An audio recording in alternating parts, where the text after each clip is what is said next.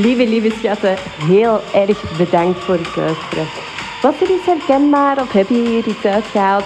Laat me dan zeker weten door even een printscreen te nemen, het te delen op jouw sociale media en mij ook te zeggen. Daar help je mij echt enorm hard mee.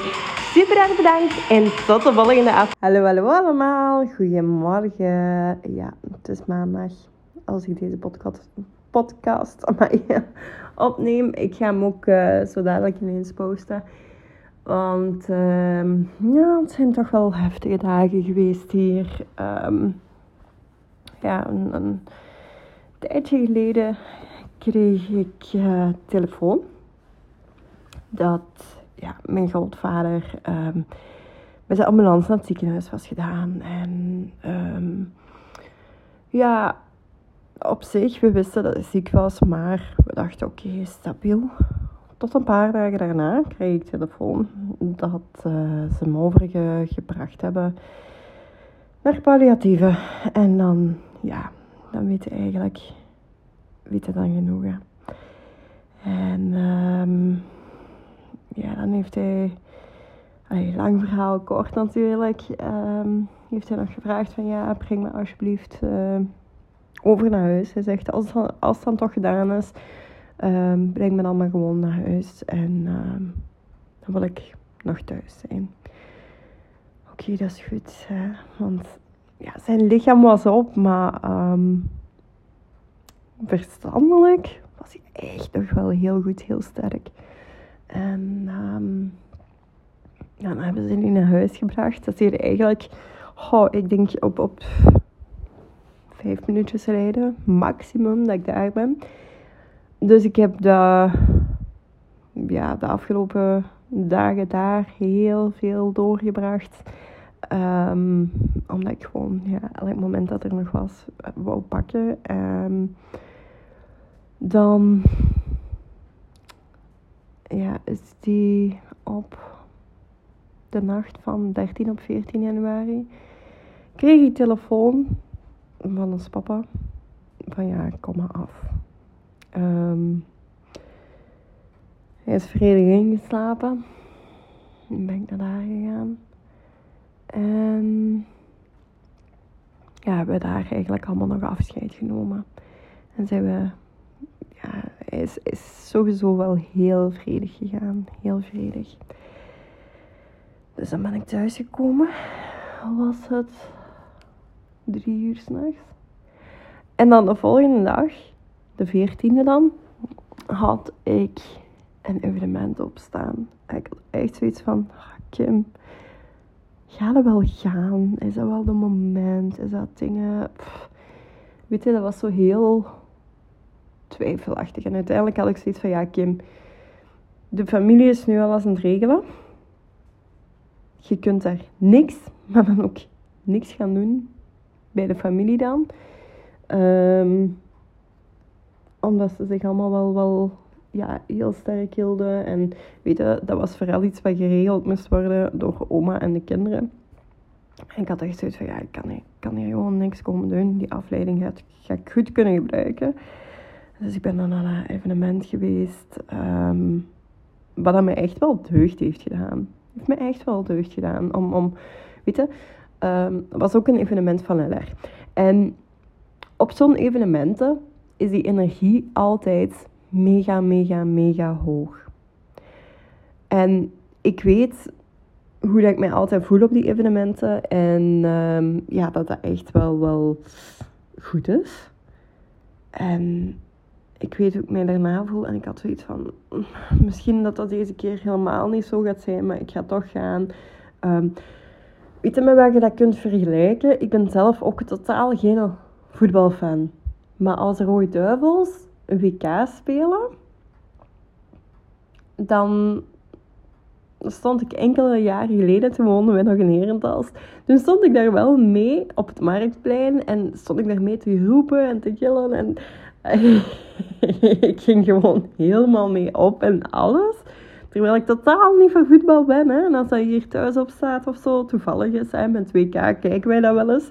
Dan um, ja, ben ik daar ook niet zo mee bezig. Dan ben ik meer op mijn gsm bezig dan wat anders. Um, maar als zet mij daar tussen al die supporters. Ik ben zo hard mee supporteren. En dat, dat is ook een ding, hè. Dat is, dat is zo'n algemene energie, energie die er hangt.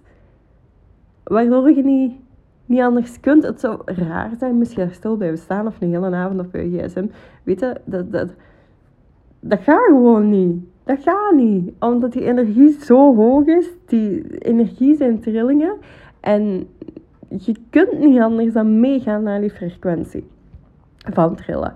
En dat is op die evenementen van LR die we hebben ook. En uh, dus ik ben er naartoe gegaan en dat was echt wel de juiste keuze. Dat was echt wel een heel goede keuze om daar naartoe te gaan. Dus ook ja, die energie keihog weer. En um, dat heeft me echt wel heel veel deugd gedaan. Maar dan de dag daarna. Ik dacht, wat is dit? Op het evenement al. Ik voelde me zo moe. En ik had al, allez, ik voelde mij die nacht al moe, maar ja, weet je, het was drie uur s'nachts geweest. En dan om twaalf uur was het evenement, ja, nog klaarmaken en al. Dus ik ben vrij op tijd wel opgestaan. Dus de Mindmaster Gold, ja, die had ik al mee. Die uh, is er goed doorgevlogen. En dan, ja, s'avonds thuis gekomen. Dat is juist, ben ik om, om um, ik denk zes, zeven uur dat ik thuis was. En een uur later ben ik gaan slapen. Nou ja, dat is ook niet van mijn gewoonte. Maar ja, weet je, de emoties van de laatste dagen. En um, ja, dat dus. De hond is mijn speeltje en speel. Ik ga er even afnemen. Ik lig hier op de zetel. Nee, Ellasje los. Um, en ja, ik lig hier beneden op de zetel. En de honden zijn hier ook. Ja, oké, super. Ga, doe maar een dutje, schat. Doe maar een dutje. Um, Nee, en de dag daarna nog steeds. Oh, ik was echt niet goed. En ik dacht, ja, die emoties, die emoties. Daar allemaal een beetje op gestoken. Want weet je, het is ook zo als je ziek wordt of wat dan ook. Um, dat is altijd. Of als je pijn hebt of zo. Dat is altijd een teken van, oei, er is, er is hier iets niet goed in mijn lichaam. Um, ik ben over mijn rode heen aan het gaan of zo. Um, dus dat. En ik dacht van ja, weet je, logisch dat ik over mijn rode heen ben gegaan. Dat ik over mijn grenzen ben gegaan en dat ik nu ziek word. Dus, um, maar het was dus wel echt ziek zijn. Echt ziek. Uh, ik heb twee dagen, twee dagen en een half in bed gelegen. Um, ik was echt niet goed echt niet.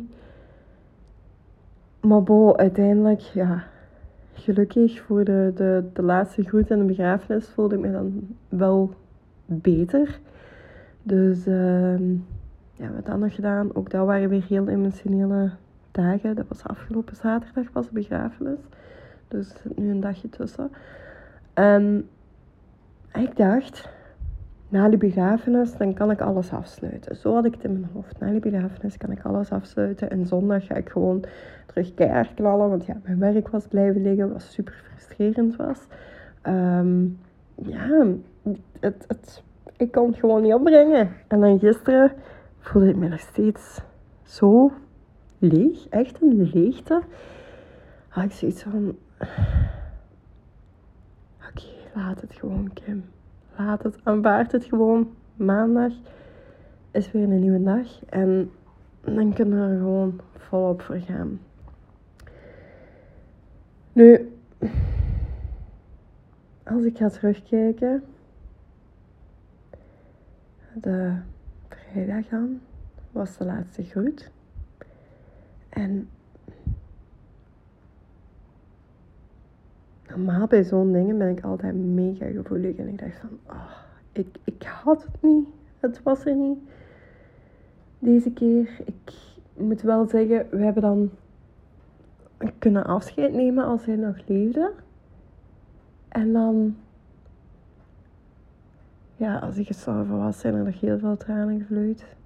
En dan met de laatste groet, Nee, zo geen traan. En ik begon me echt af te vragen: Kim, is het normaal dat je geen tranen laat? En, en, ik ben zo even gaan, gaan kijken en gaan voelen: van oké, wat is het juist? Maar dan kwam zaterdag die begrafenis en dan ook weer volop in tranen. En ik heb dat ook genomen voor die tijd van te zien van. Mm, wat, wat, wat, wat maakt dat ik niet dat intens verdriet heb? Want ik heb mijn grootmoeder langs mama's kant dan ook enkele jaren geleden moeten afgeven. En ik weet, dat was zo intens en dat verdriet en, en alles. En, en dat was ook... ehm, ja, zij was ook palliatieve, dus dat wist ik ook op voorhand. Maar dit keer was het zo anders. En gaan kijken van, wat zijn die verschillen? En, en dit klinkt misschien heel zweverig. ehm, zeker niet, niet de bedoeling om dat zweverig te laten overkomen. Maar ik weet gewoon dat er veel meer is. Als ik kijk de laatste jaren, hoe dat ik bezig ben met manifesteren en ehm, ja, het universum en, en teruggaan naar de bron, teruggaan naar het innerlijke kind en al, dan weet ik op dit moment zoveel meer dan ik vroeger wist. En ik weet ook dat ze opa geen pijn meer heeft. Hij teruggegaan is naar de bron. Waar we allemaal vandaan komen. Of dat je daar, daar, daar geloof ik oprecht in. En het is oké. En I know. Ik weet gewoon aan alles dat ik hem ooit ga terugzien. Er komt een dag dat ik hem niet in, in zijn menselijke lichaam, zal ik maar zeggen, maar wel zijn ziel terug tegenkom. En, en die gedachte, dat brengt mij ook rust. Dat brengt mij vrede. Dat tovert zelfs een lach op mijn gezicht op dit moment. Het voelt gewoon goed. En wil ik daarmee zeggen ehm, dat iedereen hier voor mij in moet geloven? Nee, nee, nee, nee. Absoluut niet. Maar voor mij is het wel helpend. Misschien dat dat voor jou ook helpend kan zijn. Ook al ben je niet gelovig, om toch ergens in iets te geloven. Het kan een gevoel zijn, hè? Het kan een gevoel zijn waarin je gelooft. Maar misschien dat deze gedachte voor jou wel heel helpend kan zijn. Nu, er zijn eh, in die afgelopen dagen nog heel wat dingen gebeurd. Dus er komen nog heel wat podcasts aan. Ik heb ze zo wat, wat, opgedeeld. Maar deze voelde voor mij nu het belangrijkste om te doen. Ehm, gewoon dat meegeven hoe dat ik over het dood, over het afscheid denk, voel. ehm, misschien zelfs een innerlijk weten. En ik hoop vooral dat je hier iets aan gehad hebt. Twijfel ook niet om mij een berichtje te sturen. Ik ga hem hierbij afronden. Tot heel snel. En ehm, ja, ik hoop oprecht dat je hier eh, wat moed en steun kan uithalen. Als er zelf iemand is die dat je mist, die dat je hebt moeten afgeven. Tot Lieve, lieve schatten, heel erg bedankt voor het luisteren. Was er iets herkenbaar of heb je hier iets uitgehaald? Laat het me dan zeker weten door even een printscreen te nemen, het te delen op jouw sociale media en mij ook te taggen. Daar help je mij echt enorm hard mee.